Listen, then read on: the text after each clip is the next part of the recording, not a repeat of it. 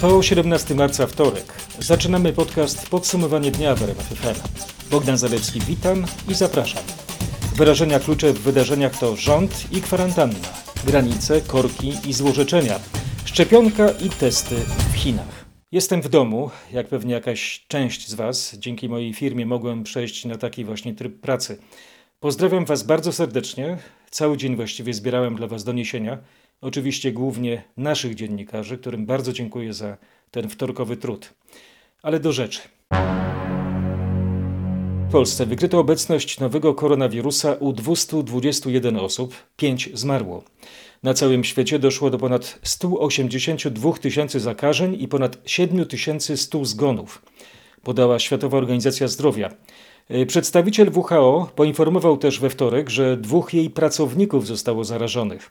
Odpowiedzialny z ramienia WHO za walkę z koronawirusem w Europie, Dawid Nabarro, uważa, że stary kontynent znajduje się daleko od szczytu zakażeń COVID-19. Jesteśmy dopiero na początku pandemii, powiedział w wywiadzie dla dziennika El País. A dlaczego chorych będzie więcej?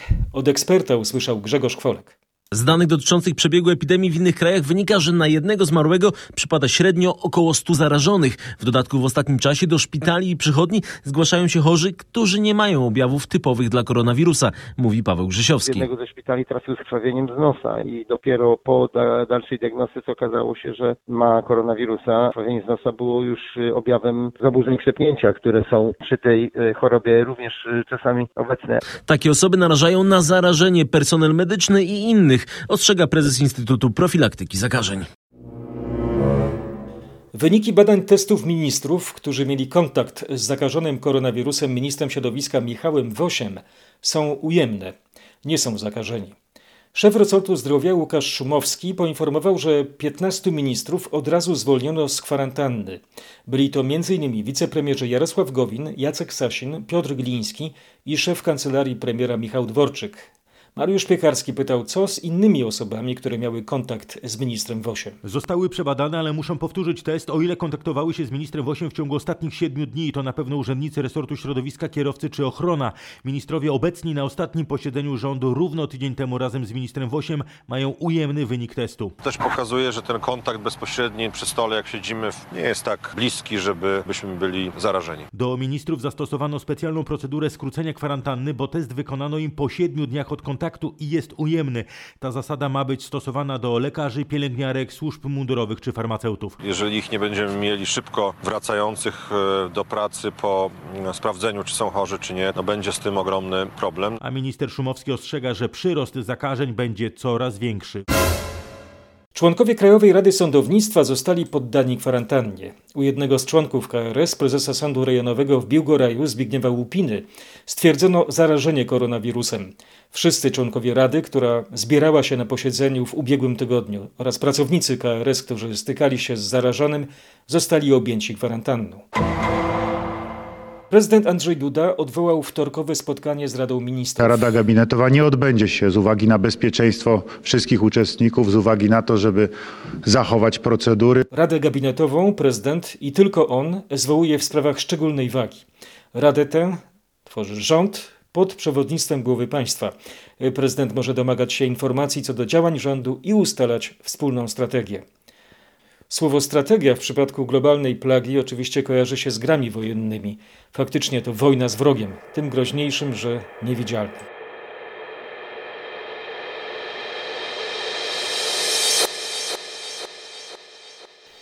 Nieczynny jest oddział ratunkowy i oddział chorób wewnętrznych w szpitalu Kopernika w Gdańsku. Koronawirusa wykryto u jednego z pacjentów, który trafił do szpitala z innym schorzeniem. Kuba Kaługa sprawdził panującą tam sytuację. Jak działa SOR? Działa na szczęście dziecięcy oddział ratunkowy, ale tylko on. SOR ogólny jest zamknięty do odwołania. Jego personel, jak mówiła mi rzecznik spółki Kopernikus Katarzyna Brożek, musi przejść kwarantannę. Tu chodzi o budynek dawnego szpitala wojewódzkiego w Gdańsku. Na SOR przyjęty został pacjent, który ostatecznie trafił na oddział chorób wewnętrznych, który mieści się w dawnym szpitalu kolejowym. Tam i pacjenci, i personel też przechodzą od dziś kwarantannę, na razie siedmiodniową. Choć pacjent nie trafił do szpitala w związku z koronawirusem, w trakcie leczenia potwierdzono COVID-19. Służby ustalają, kto jeszcze mógł mieć kontakt z tym mężczyzną. Coraz mniejsze są zasoby środków ochrony biologicznej w krakowskich szpitalach. Mimo dostaw z Agencji Rezerw Materiałowych, dyrektorzy placówek obawiają się, że w wyniku większej liczby pacjentów zarażonych koronawirusem takich pakietów po prostu nie wystarczy. Na ten problem zwraca uwagę Marcin Jędrychowski, dyrektor Szpitala Uniwersyteckiego w Krakowie. W chwili obecnej e, tego, czego najbardziej potrzebuje szpital uniwersytecki, są to e, przyłbice oraz e, maseczki filtrem HEPA. Są to maseczki typu 2 i typu 3. One, tak jak powiedziałem, one dają nam szansę, żeby zabezpieczyć personel medyczny, którego jeżeli nie zabezpieczymy, to będziemy mieli duży problem, żeby on podjął swoje czynności. Szpital Wojewódzki w Łomży który został przekształcony w zakaźny, może zostać odcięty od wody. Powód brak systemu dezynfekcji ścieków, który jest ustawowo wymagany. Na specjalnej sesji radni Łomży wystosowali pismo do wojewody z pytaniami, dlaczego to ich placówka, a nie w Białym Stoku została wybrana do roli szpitala jednoimiennego. Z prezesem zarządu Miejskiego Przedsiębiorstwa Wodociągów i Kanalizacji Mariuszem Konopką rozmawiał nasz reporter Piotr Błakowski. Szpital, który leczy, który jest szpitalem zakaźnym, e, powinien mieć instalację do dezynfekcji ścieków. To mówi ustawa o zbiorowym zaopatrzeniu wody i zbiorowym odprowadzaniu ścieków. Jakie ścieki nie powinny być prowadzane do instalacji miejskiej. Szpital powinien zamontować e, u siebie na wylocie, na przyłączu instalację do dezynfekcji tych ścieków pod chlorynem sodu. Tego nie ma i jaka jest Wasza reakcja? Nasza reakcja jest taka, że żądamy natychmiastowej odpowiedzi od wojewody e, podlaskiego, co w tym wypadku e, będzie, bo artykuł 8 ustawy o zbiorowym zaopatrzeniu wody pozwala na wypowiedzenie umowy e, szpitalowi na e, dostawę wody i odbiór ścieków. Czyli mówiąc wprost, jeżeli nic się nie zmieni, no to będziecie musieli odciąć szpital. Dokładnie tak. Gigantyczne kolejki na polskich granicach. Od rana urywały się telefony od kierowców na gorącą linię RMFFN. Przykład? Przejście w Cieszynie. Ja już stoję 11 godzinę, jestem 8 km od, a byłem 15 y, o 23 i od dwóch godzin już się w ogóle nie ruszam i jeszcze pewnie będę miał ze 10 godzin tu będę czekał. W ciągu dnia było coraz gorzej. W Jędrzychowicach na przykład kierowcom zaczynało brakować jedzenia, wody oraz paliwa. Nasz reporter skontaktował się z panią Pauliną, która w korku stała ponad 20 godzin. Jej zdaniem za mało jest pracowników służb sanitarnych. Niewielu ich jest z tymi termometrami jest właśnie osobny ten, bo tam stoją na drabince, przyjmują tirów, żeby właśnie z wysokości mierzyć im gorączkę i tak dalej. Do osobówki podchodzi osobne na przykład dwie osoby. Zanim podejdzie jeden pan z kwestionariuszami do wszystkich, to też ta chwilę trwa. A powinno być co najmniej więcej osób do tego wszystkiego. Jest za mało osób po prostu, za mało moim zdaniem, żeby coś ogólnie, jakiś sklep znaleźć po drodze, żeby nawet, nie wiem, jeden poszedł, kupił, potem się gdzieś z kimś zabrał, nie ma nic, nic. Ludzie proszą na Facebooku, żeby ten, co dojedzie do pracy, żeby się gdzieś zatrzymał po drodze, kupił paliwo, jedzenie, picie i tak dalej.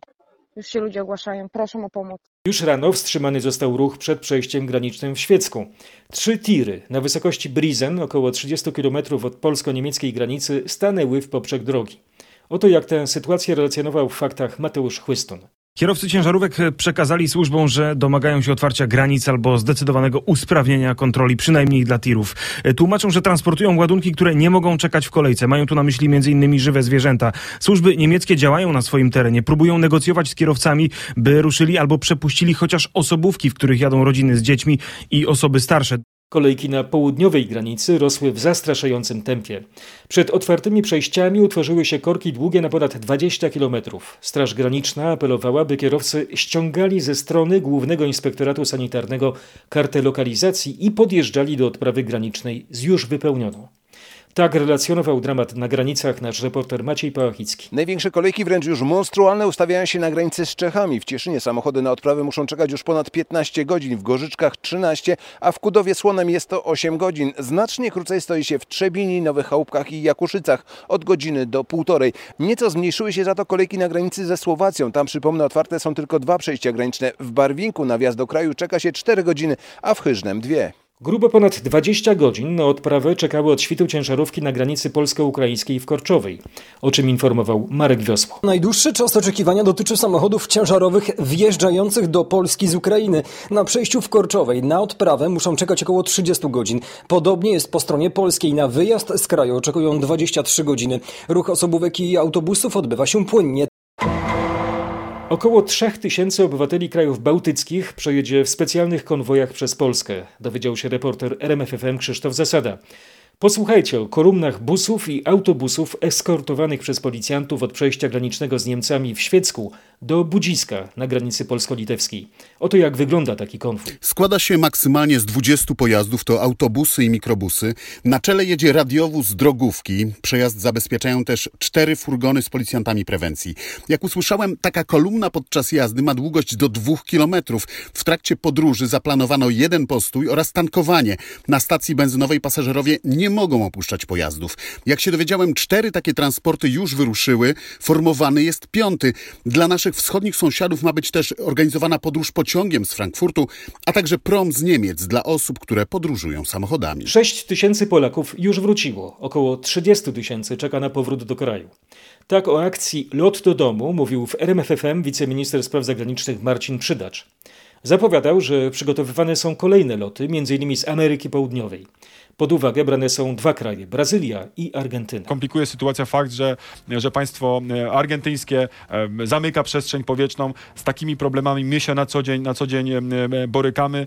Zamknięcie przestrzeni nie znaczy, że nie mogą tam lądować samoloty. Na każdy taki samolot trzeba mieć indywidualną zgodę i tym się zajmuje między innymi polska dyplomacja. To ta Brazylia, Argentyna jest możliwa w jakiej perspektywie?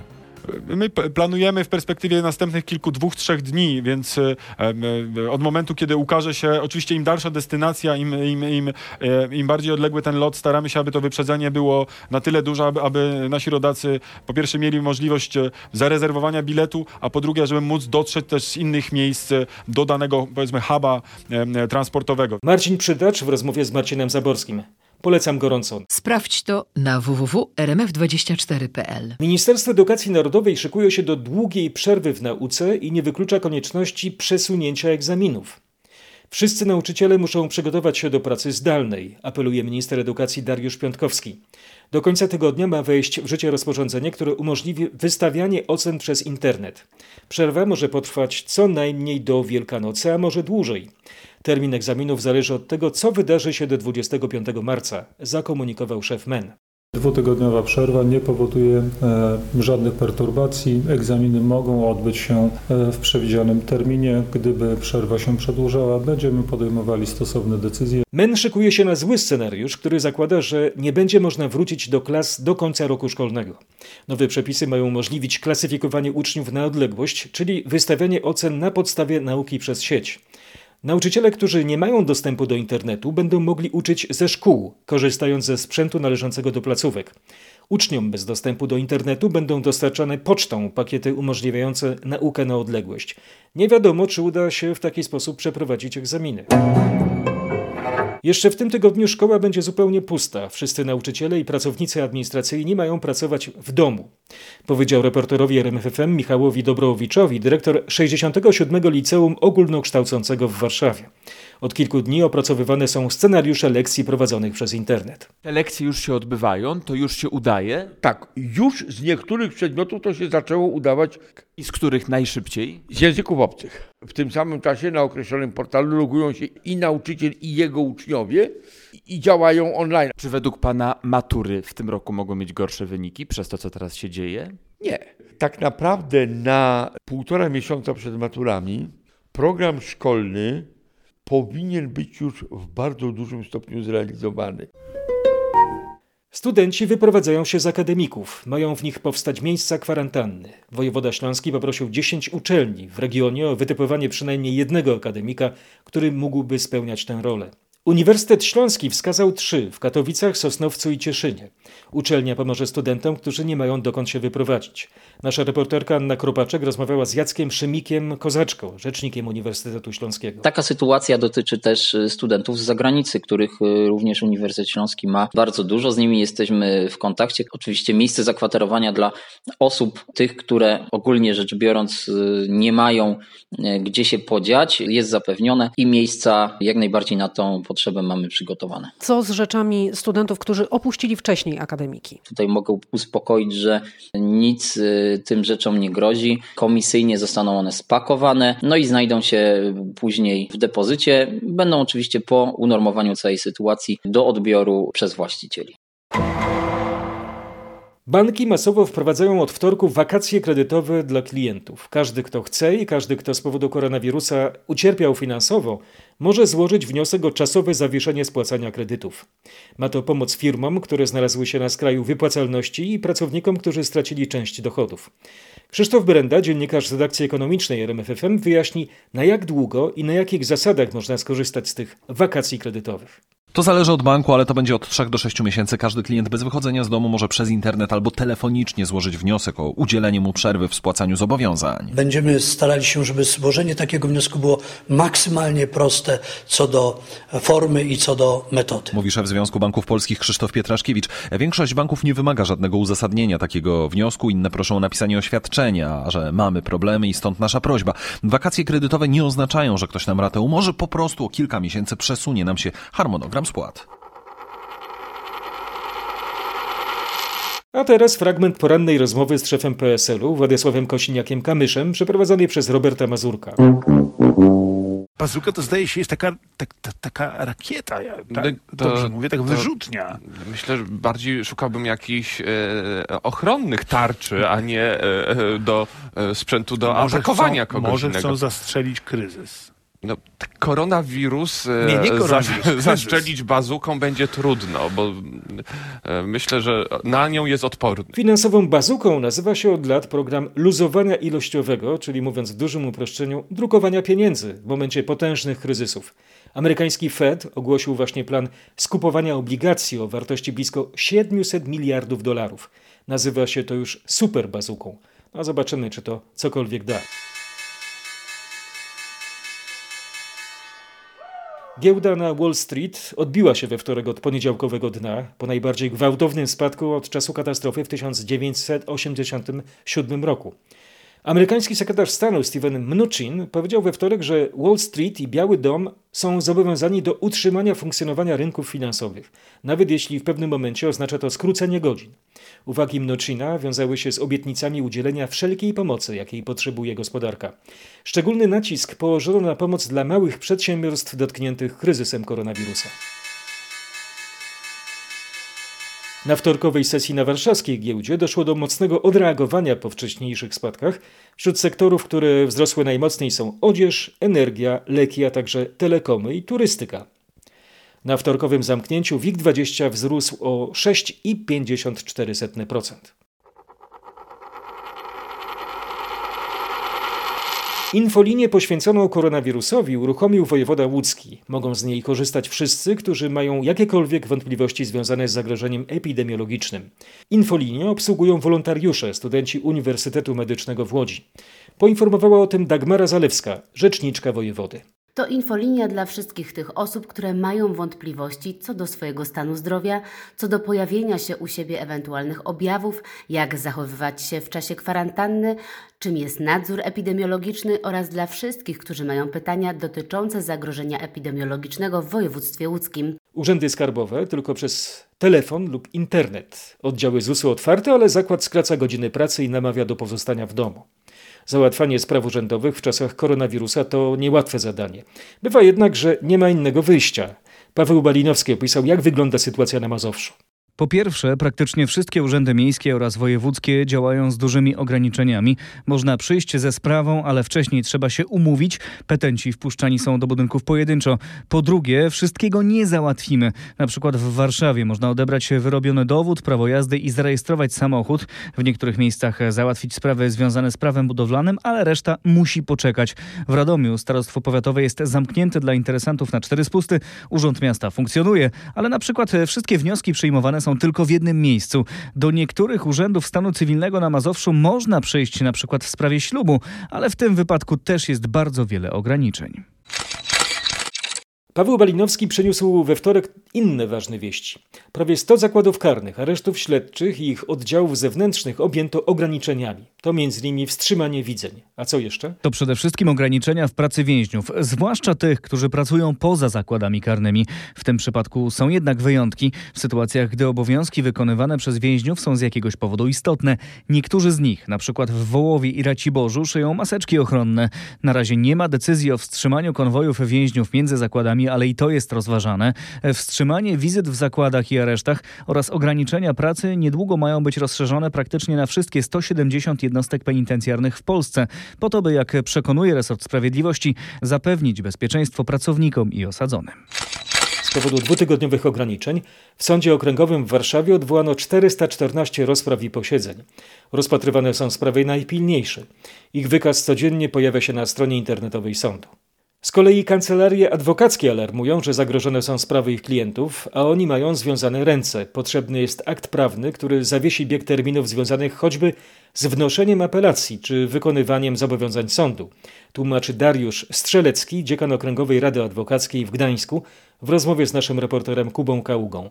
Z czym już teraz są problemy? Choćby z kontaktem zarówno z sądami, jak i prokuraturami. Jedna z kancelarii tak opisuje mi swoją sytuację. Pracownicy na wolnym związanym z opieką nad dziećmi robią z domu co się da, ale to za mało. Są problemy z pocztą i z nadawaniem i odbieraniem. Są sprawy, gdzie konieczne jest spotkanie z klientem, a to nie jest możliwe. Podobne sygnały odbiera też Okręgowa Rada Adwokacka w Gdańsku. Dlatego adwokaci uważają, że potrzeba nadzwyczajnego rozwiązania prawnego w tej sprawie. Dla dobra przede wszystkim ludzi, którzy mają sprawy w sądach, uważam, że taki akt powinien zostać wydany. Mówił mi dziekan ORA w Gdańsku Dariusz Strzelecki, wicedziekan Pomorskiej Izby Adwokackiej Marek Karczmarzyk powiedział mi, że owszem, będzie można wnosić do sądów o przywracanie terminów, ale to co do zasady jest uznaniowe, co w efekcie może rodzić poczucie niesprawiedliwości.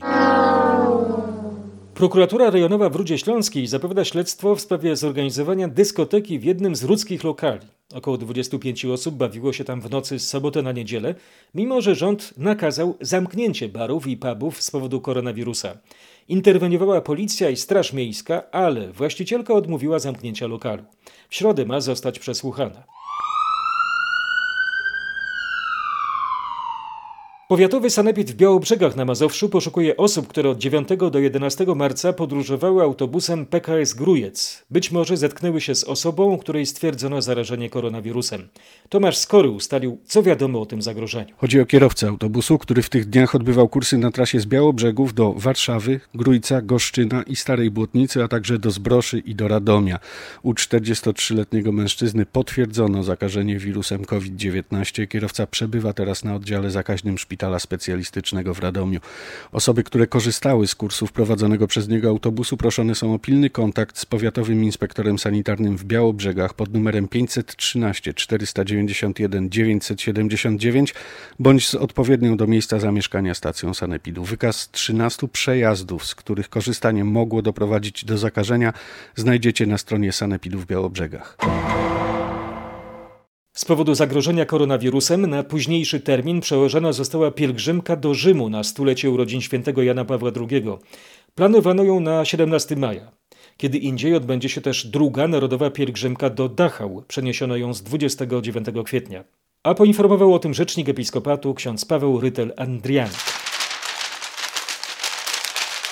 Od zeszłego piątku Tatry są zamknięte dla turystów, dla tych, którzy nie mieszkają u ich podnóża. Mimo to wiele osób nadal wyrusza na szlaki. Ratownicy Topru proszą, by w ogóle nie chodzić po górach, bo jedna zakażona koronawirusem osoba może wysłać wielu ludzi na kwarantannę i drastycznie ograniczyć możliwości działania. O przestrzeganie zakazu wzywa także dyrektor Tatrzańskiego Parku Narodowego Szymon Ziobrowski. Apelujemy do wszystkich Polaków: zostańcie w domu, nie przyjeżdżajcie w Tatry. Góry stoją i będą stałe, więc chcielibyśmy jak najszybciej zakończyć epidemię w Polsce i wrócić do normalnego funkcjonowania. Nie narażajcie służb Taszańskiego Parku Narodowego na niepotrzebny kontakt. Weźmy wszyscy odpowiedzialność za tą sytuację. Piłkarskie Mistrzostwa Europy rozpoczną się 11 czerwca przyszłego roku. Taką decyzję podjęła UEFA. Przełożono też marcowe mecze towarzyskie i barażowe. Wojciech Marczyk z redakcji sportowej RMFM dowiedział się, z kim reprezentacja zmierzy się w czerwcu w ramach spotkań towarzyskich. Z Finlandią i Ukrainą, ponieważ te spotkania miały odbyć się w marcu i zostały przeniesione, podobnie jak mecze barażowe Mistrzostw Europy, w których zagra 16 reprezentacji. Te baraże zostaną rozegrane w czerwcu, a te mecze towarzyskie, które były ustalone na marzec, przechodzą na czerwiec. A te czerwcowe? A te czerwcowe w tej chwili y, będą zawieszone. Mówił Maciej Sawicki, sekretarz generalny Polskiego Związku Piłki Nożnej. Na razie nie wiadomo, czy spotkania odbędą się 2 i 9 czerwca, jak pierwotnie planowano, czy może zostaną rozegrane później. Trudno na dziś powiedzieć też, w jakich miastach zagra reprezentacja. Uwaga na ibuprofen. Największa organizacja zrzeszająca europejskich producentów leków generycznych, Medicines for Europe, zwróciła się do Europejskiej Agencji Leków o wydanie zalecenia w sprawie stosowania ibuprofenu w przypadkach zachorowań na koronawirusa. Francuski minister zdrowia Olivier Véran podał kilka dni temu informację, że niektóre leki przeciwzapalne, takie właśnie jak ibuprofen, mogą nasilać przebieg infekcji wywołanej nowym koronawirusem. Posłuchajcie uważnie, co we wtorek przekazała z Brukseli Katarzyna Szymańska-Borginał. Wytyczne Europejskiej Agencji Leków będą wskazówką dla pacjentów, ale i dla producentów leków. Jeżeli nagle lekarze przestaną przepisywać ibuprofen, no to wiadomo, że te zapotrzebowania produkcji będą inne. Powiedziała mi Beata Stępniewska z Medicine for Europe. Chodzi o to, żeby producenci leków wiedzieli, czy mają zwiększyć produkcję paracetamolu. Niestety nikt nie potrafił mi powiedzieć, kiedy możemy się spodziewać oceny ibuprofenu ibuprofenu w kontekście koronawirusa. Procedury wszędzie są przyspieszone i nadzwyczajne, usłyszałam, ale ocena musi być poważna. U małp nie ma oznak, by możliwe było ponowne zakażenie się koronawirusem po przejściu choroby COVID-19, informują naukowcy z kilku instytutów w Pekinie. E, inne wieści naukowe w sprawie pandemii podam w dalszej części podcastu, a na razie posłuchajmy dobrych medycznych doniesień, które we wtorek przekazał Grzegorz Jasiński. Badania przeprowadzono na kilku makakach w związku z pojawieniem się doniesień o tym, że u niektórych wyzdrowiałych pacjentów koronawirus pojawił się ponownie. Nie było jasne, czy to oznacza, że mogło u nich dojść do nawrotu choroby, czy ponownej infekcji. Zwierzęta zakażono w laboratorium i obserwowano przez cały czas objawy typowe dla COVID-19, w tym replikację wirusa w nosie, gardle, płucach i układzie pokarmowym, a także objawy zapalenia płuc. Po wyzdrowieniu część badanych zwierząt próbowano zakazić ponownie, ale objawy choroby ani oznaki ponownej replikacji wirusa się nie pojawiły. Zdaniem autorów pracy wyniki sugerują, że przebycie infekcji wirusem SARS-CoV-2 powinno dać odporność przy ponownym kontakcie. To bardzo istotne z punktu widzenia szans opanowania epidemii. To ważne w pracach nad szczepionką. Australijski zespół poznał sposób, w jaki ludzki układ odpornościowy zwalcza koronawirusa SARS-CoV-2, informuje Nature Medicine. Udało się zidentyfikować cztery typy komórek odpornościowych biorących udział w walce. Współautorką badań jest pochodząca z Polski profesor Catherine Kadzierska. Pochodząca z Kalisza profesor Kadzierska wyemigrowała do Australii w wieku 19 lat. Jak mówiła pół roku temu w wywiadzie dla Sunday Telegraph, zawsze chciała zostać lekarzem, jednak pokochała pracę badawczą. Chińskie władze zezwoliły naukowcom na rozpoczęcie testów eksperymentalnej szczepionki przeciwko nowemu koronawirusowi na ludziach, poinformował we wtorek partyjny dziennik Renmin Ripao. Badacze z Chińskiej Akademii Wojskowych Nauk Medycznych otrzymali zezwolenie na rozpoczęcie pierwszego etapu prób klinicznych potencjalnej szczepionki w tym tygodniu. Pierwsza faza testu ma sprawdzić, czy eksperymentalna szczepionka jest bezpieczna dla ludzi. Przewidziano nabór 108 zdrowych osób do udziału w badaniu między 13 marca a 31 grudnia. Amerykańscy naukowcy poinformowali w poniedziałek, że rozpoczęły się testy kliniczne potencjalnej szczepionki opracowanej przez Narodowy Instytut Alergii i Chorób Zakaźnych oraz firmę Moderna.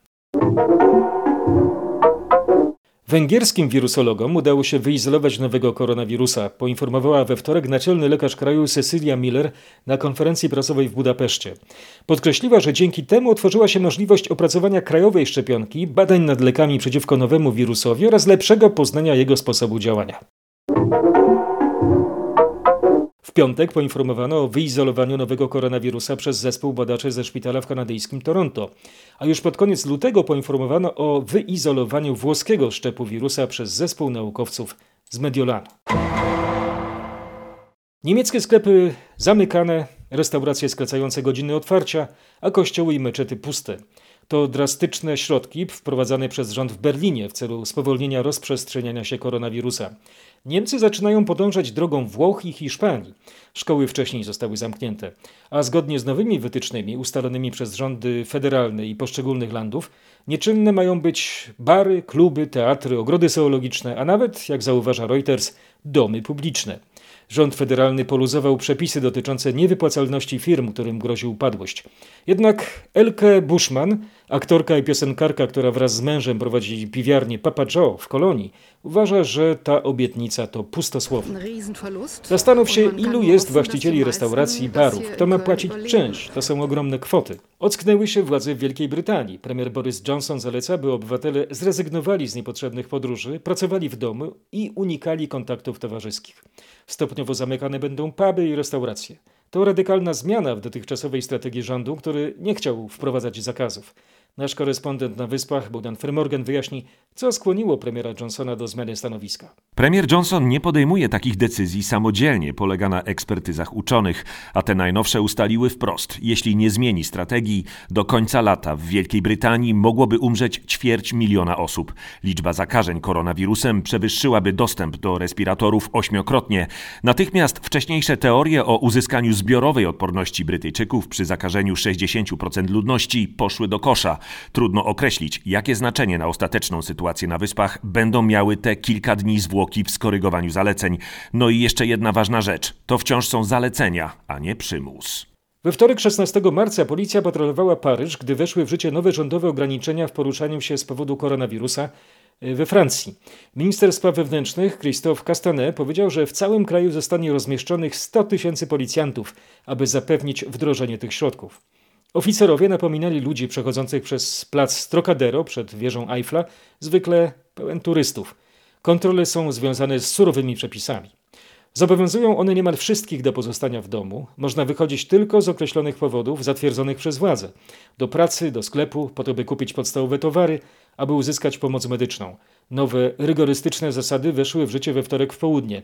Nie wszyscy bez szemrania zareagowali na decyzję rządu w Paryżu. Oto komentarz przebywającego w stolicy Francji Holendra z Maastricht. Myślę, że to trochę zbyt surowe. Jeśli masz ochotę, powinieneś mieć prawo chodzenia po ulicach. Ludzie powinni móc wybierać, czego chcą, a czego nie. Tak I think it's a bit too strict. Yeah, you should be able to walk on the streets if you want. People should be to uh, choose what they want, I think. Izraelskie służby Shin Bet rozpoczęły śledzenie telefonów komórkowych osób zakażonych koronawirusem oraz potencjalnych zainfekowanych. Poinformowali we wtorek zastępcy prokuratora generalnego. W niedzielę rząd zezwolił służbom na monitorowanie geolokalizacji zakażonych oraz tych, którzy w ciągu 14 dni przed zdiagnozowaniem mieli z nimi kontakt w celu informowania ich za pośrednictwem wiadomości tekstowych o konieczności przebywania w kwarantannie domowej. Zezwolenie ma obowiązywać w trakcie trwania epidemii lub przez 30 dni, po których dane mają być usunięte. Shinbet teoretycznie nie może używać zdobytych danych w żadnym innym celu, jednak wysoki urzędnik z Ministerstwa Sprawiedliwości przekazał anonimowo dziennikowi Haaretz, że zezwolenie to oznacza, iż służby będą mogły namierzać telefony bez nakazu sądowego, a co za tym idzie bez żadnej kontroli. Kino i teatr za darmo i bez wychodzenia z domu.